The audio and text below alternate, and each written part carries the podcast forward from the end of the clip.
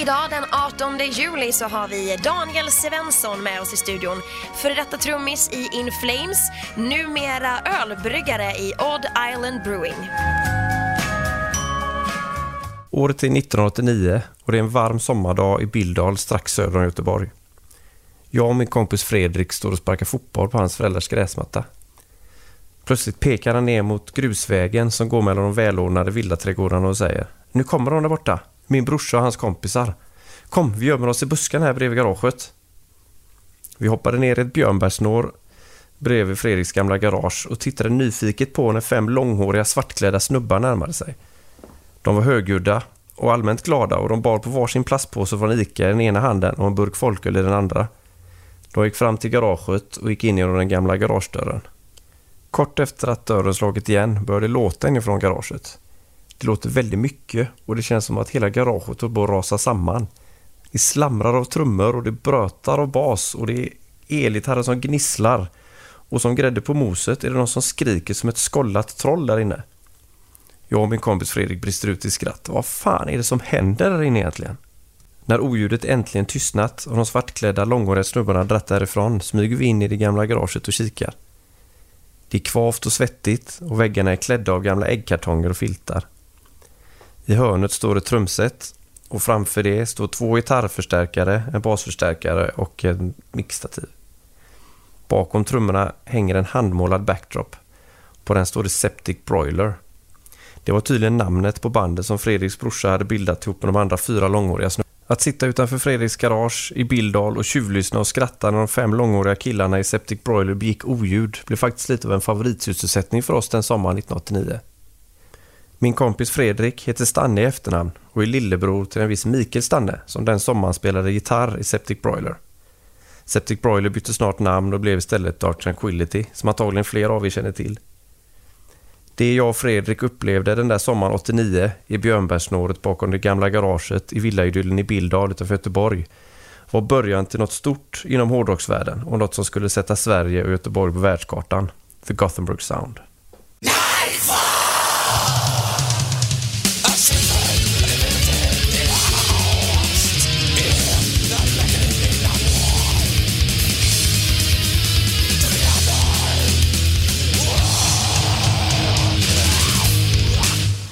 Och där fick vi höra Nightfall by the Shore of Time med Dark Tranquility från deras debutskiva Skydancer. Det gick några år och jag och Fredrik hade blivit lite tuffare, tyckte vi i alla fall själva och vi hade börjat lyssna en hel del på metal. Eller i alla fall på Dark Tranquility och deras skiva Skydancer som vi precis fick höra ett smakprov från här. Men plötsligt en dag ringer Fredrik mig och säger att vi måste träffas. För han hade en demokassett från ett nytt band som Mikael hade gått med i. Jag cyklade iväg och mötte Fredrik och han tog fram sin gula Sony Walkman och stoppade i kassetten med demot och gav mig lurarna. Det jag fick höra fick mig att tappa hakan. Det var något helt nytt. Det var det bästa jag någonsin hade hört. Musiken var melodiös på ett helt annat sätt än vad jag var van vid. De hade liksom blandat i folkmusikmelodier, allt det där hårda. Jag frågade Fredrik om jag fick cykla hem och kopiera bandet. Det fick jag och jag lyssnade nog på den kassetten varje dag en väldigt lång tid framöver. Det nystartade bandet hette In Flames och demon jag lyssnade på så mycket var förlagan till debutplattan Lunar Strain. Här kommer en låt från den och den heter Clad in Shadows.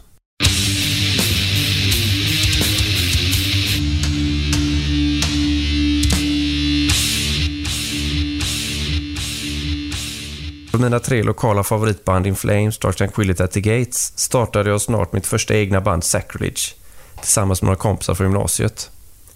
Vi repade hemma hos mig i morsans farsans garage. Vi repade mycket och länge. Vi repade sena vardagskvällar och tidiga helgmorgnar och vi repade typ jämt. Så man får nog säga att man hade tur som hade grannar och föräldrar som var väldigt förstående och tålmodiga och stod ut med detta oljud i tid och otid. Så tack så hemskt mycket för det. Vi spelade in två demos innan vi lyckades få ett skivkontrakt med Black Sun Records från Göteborg. Demosarna spelade vi givetvis in hos Studio Fredman där alla banden vi såg upp till spelade in sina skivor. 1996 fick vi äntligen spela in vår debutskiva Lost in the Beauty You Slay. Av någon anledning fick vår sångare alltid någon typ av halsinfektion när det var dags att spela in. Så det är faktiskt jag som sjöng upp Sacrilege två skivor. Och det var väl för att jag var den som var minst dålig på att growla, skulle jag tro. Efter varje inspelning så tog det sjukt lång tid innan jag fick tillbaka rösten eftersom jag sjöng helt utan teknik. Men man får ju lida för konsten som man säger. Så här ska ni få ett smakprov när jag både spelar trummor och kraxar på samma inspelning. Här är låten Fettering Shackles of Light med Sacridge.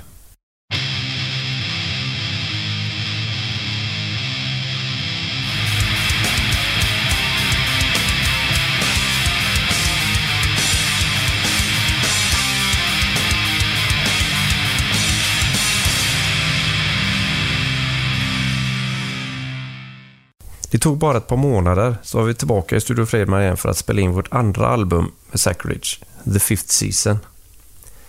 Även denna gången fick jag ställa mig i sångbåset och skrika mina arma stämband ur led.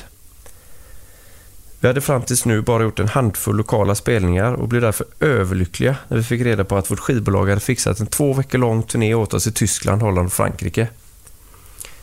Vi skulle spela ihop med eh, ett annat band från vårt skivbolag, Crown of Thorns från Trollhättan. De spelar faktiskt fortfarande, men idag heter de bara The Crown.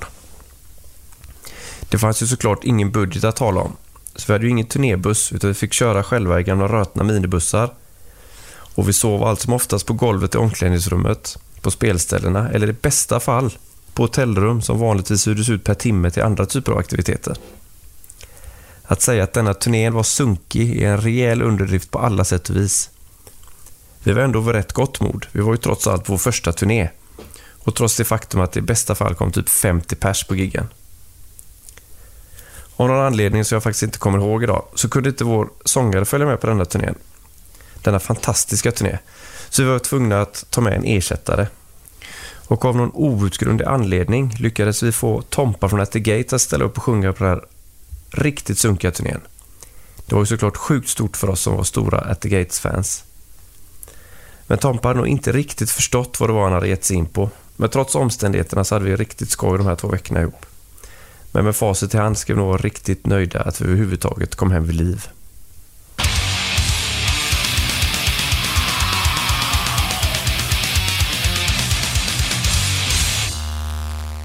Blinded by Fear med At the Gate från den ruggigt grymma plattan Slort of the Soul. Turnén som eh, skulle få vilket band som helst att lägga instrumenten på hyllan ägde rum 97 och i slutet av samma år så släpper In Flames sin skiva Horacle. Det är en av skivorna som går varmast i min CD-spelare den vintern. Några månader senare får jag ett samtal som jag först tror är en busringning. Killen som ringer uppger sig för att vara Jesper Strömblad från In Flames och han frågar om jag skulle kunna tänka mig att komma ner till deras replokal och provspela lite. Det är nämligen så att deras trummis Björn Gilott skulle börja spela gitarr sedan deras innan gitarrist Glenn slutat och de skulle därför behöva en trummis som kunde hoppa in och spela under sommarfestivalerna det året. Jag frågade om han verkligen menade allvar och det sa han att han gjorde. Detta var helt sjukt.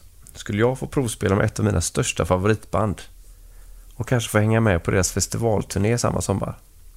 Jag kunde inte riktigt tro på det förrän jag stod där utanför replokalen i Majorna och jag såg killarna dyka upp och de hälsade på mig. Jag hade fått några låtar att lyssna på som vi skulle spela och den första vi spelade ihop var Food for the Gods, just från plattan Horacle.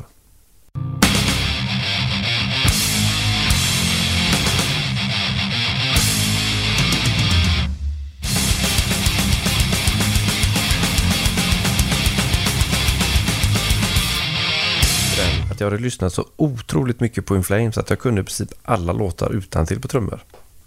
Men trots detta var jag säker på att de inte skulle tycka att jag räckte till. Då jag av naturen är ganska pessimistisk och lider av ett ganska rötet självförtroende.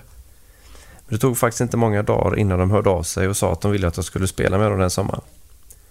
Detta var ofattbart coolt för mig. Det är dock en sak att kunna spela låtarna fläckfritt i replokalen, men en helt annan att göra det live. Speciellt när man som jag bara gjort små fjuttspelningar innan. Denna sommar skulle vi med In Flames spela på bland annat Rock am Ring, Rockin Park och Dynamo Open Air, vilket skulle innebära tiotusentals personer i publiken. Jag hade väl som mest spelat inför 100 pers innan. Jag blev brun i kalsongerna av bara tanken av att spela inför så mycket publik. Dock var jag inte ensam om att smutsa ner underkläderna. Björn hade inte heller spelat inför så mycket folk tidigare. Inte gitarr i alla fall. Detta var hans första gig som gitarrist och han var lika nervös som jag inför de här spelningarna. När vi i efterhand pratat om Dynamo-gigget som var det första så kommer varken han eller jag ihåg något av spelningen mer än att vi hade tunnelseende och nära döden-upplevelse.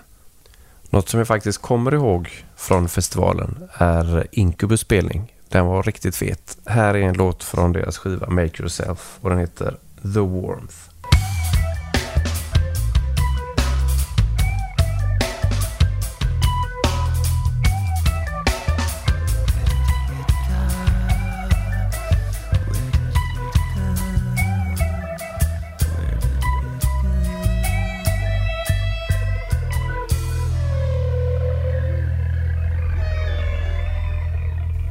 Tydligen gjorde jag inte bort mig den sommaren helt i alla fall, för jag blev ganska snart erbjuden att bli fast medlem i In Flames. Och jag behövde väl inte jättelång betänketid för det beslutet. Vi spelade snart in plattan Colony 1998 och vi bestämde också att vi skulle satsa järnet på bandet. Vi skulle turnera så mycket vi bara orkade och vi skulle bli världens största hårdrocksband. Det är dock inte helt okomplicerat att vara på resande fot så stor del av ens tid man får helt enkelt hitta på saker som får dödtiden mellan spelningarna att bli meningsfull på något sätt. Att jävlas med förband är en sak som är både roligt och meningsfullt och får tiden att gå. Det finns en hel del band som fått utstå en hel del idioti av oss inom åren. Allt kanske inte ska berättas i radio. Jag och Peter har jobbat mycket med nakenchocker. Det är extremt effektfullt mot många amerikanska band. De amerikaner är ofta väldigt homofobiska och det gör det hela lite extra roligt. Här kommer några snabba förslag om ni vill nakenchocka amerikanare. 1. Smyg in nakna i förbandets buss när ingen är där. Välj valfri bunk och kryp ner under täcket och göm er tills personen som ska ligga där ska gå och lägga sig. Det blir alltid succé. 2. The Swedish Hot Dog. Tag ett korvbröd. Öppna sedan gylfen. Lägg din penis i korvbrödet. Applicera ketchup och senap. Strö gärna över rostad lök om det finns till hands. Gå sedan och bjud valfria amerikaner på denna svenska delikatess. Härligt! 3. The Full Monty. Här krävs varken gräs eller akkuratess. Man springer helt sonika in i förbandets omklädningsrum helt nakna, skrikande svenska ord. Detta är utan tvekan det snabbaste sättet att evakuera amerikanare ur ett omklädningsrum.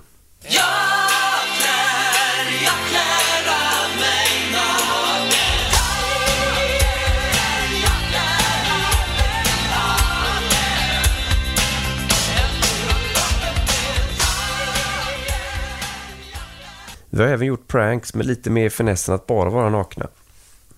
Vi var på turné med Soilwork i USA för många, många år sedan. Vi hade en ledig dag och hade parkerat bussarna vid ett köpcenter. Soilwork-killarna skulle på någon sightseeing så deras buss stod tom och vi hade ju såklart fixat en nyckel så vi kunde komma in i bussen. Vi hittade en affär som sålde partyprylar och fick tag i en rökmaskin och ett par hundra ballonger. Den eftermiddagen spenderade vi med att blåsa upp ballonger som vi sedan fyllde bussen med. Som grädde på moset ställde vi även in rökmaskinen på fullt blås in i bussen, stängde dörren och stängde av all ventilation. Det var knappast det Solborg-killarna väntade sig när de kom tillbaka den kvällen. En annan klassiker är när Woven War var förband, för inte så länge sedan faktiskt. Vi gick ut på stan den dagen och köpte inslagningspapper och tejp. Mycket inslagningspapper och tejp. Alltså extremt mycket inslagningspapper och tejp. När sedan förbandet var på scen gick vi in i deras omklädningsrum och slog in alla lösa föremål som vi hittade i inslagningspapper. Det kan bli ganska mycket prylar i ett omklädningsrum. Vi slog in strumpor, gitarrer, handdukar, laptops, sladdar, plektrum, smutstvätt, ja allt som fanns i deras omklädningsrum slog vi in i små fina paket. Det blev rena rama julafton när de sedan klev av scen och kom in i omklädningsrummet. Det bästa är att man alltid kommer undan med alla pranks som man gör på förbanden. För det är aldrig någon som skulle våga hämnas ordentligt på headlinebandet. Så det gäller att utnyttja de svaga. Som plåster på såren ska vi faktiskt spela en låt med Woven War. Den här låten heter All Rise.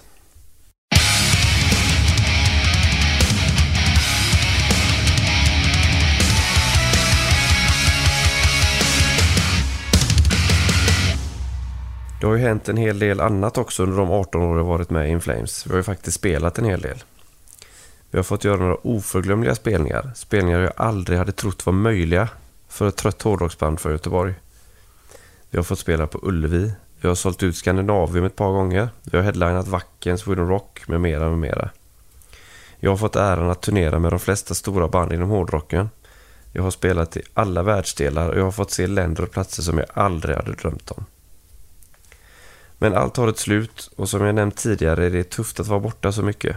Speciellt när man har fru och barn där hemma. Jag kom till en punkt när jag kände att det var ohållbart att vara borta och bara försöka få tiden att gå. Jag vill vara hemma och få ta tillvara på tiden istället. Inte ta död på den. Så 2015 bestämde jag mig till slut för att det fick vara nog. Tid är någonting som man aldrig kan få tillbaka och jag hade så mycket tid att ta igen, inte minst med mina barn, innan de blir för stora. Det är ganska häftigt när man tittar tillbaka och tänker på resan som jag fått göra och hur allt startade utanför det där garaget i Bildal sommaren 1989. Och var man kan hamna i livet med lite tur och genom tillfälligheter. Nu har jag påbörjat min nya resa som inom citationstecken vanlig pappa, inte en turnépappa som tidigare. Och jag ska försöka leva ett svenssonliv med allt vad det innebär. Det är en ganska stor omställning trots allt. Jag har dock sett till att jag fortfarande har ett skapande yrke och det är tillsammans med min gamla vapendragare och nakenvirtuos Peter Ivers. Vi har ju nämligen startat ett bryggeri ihop som heter Odd Island Brewing och det ska bli riktigt spännande att se var vi hamnar på denna nya resan. Med eller utan kläder.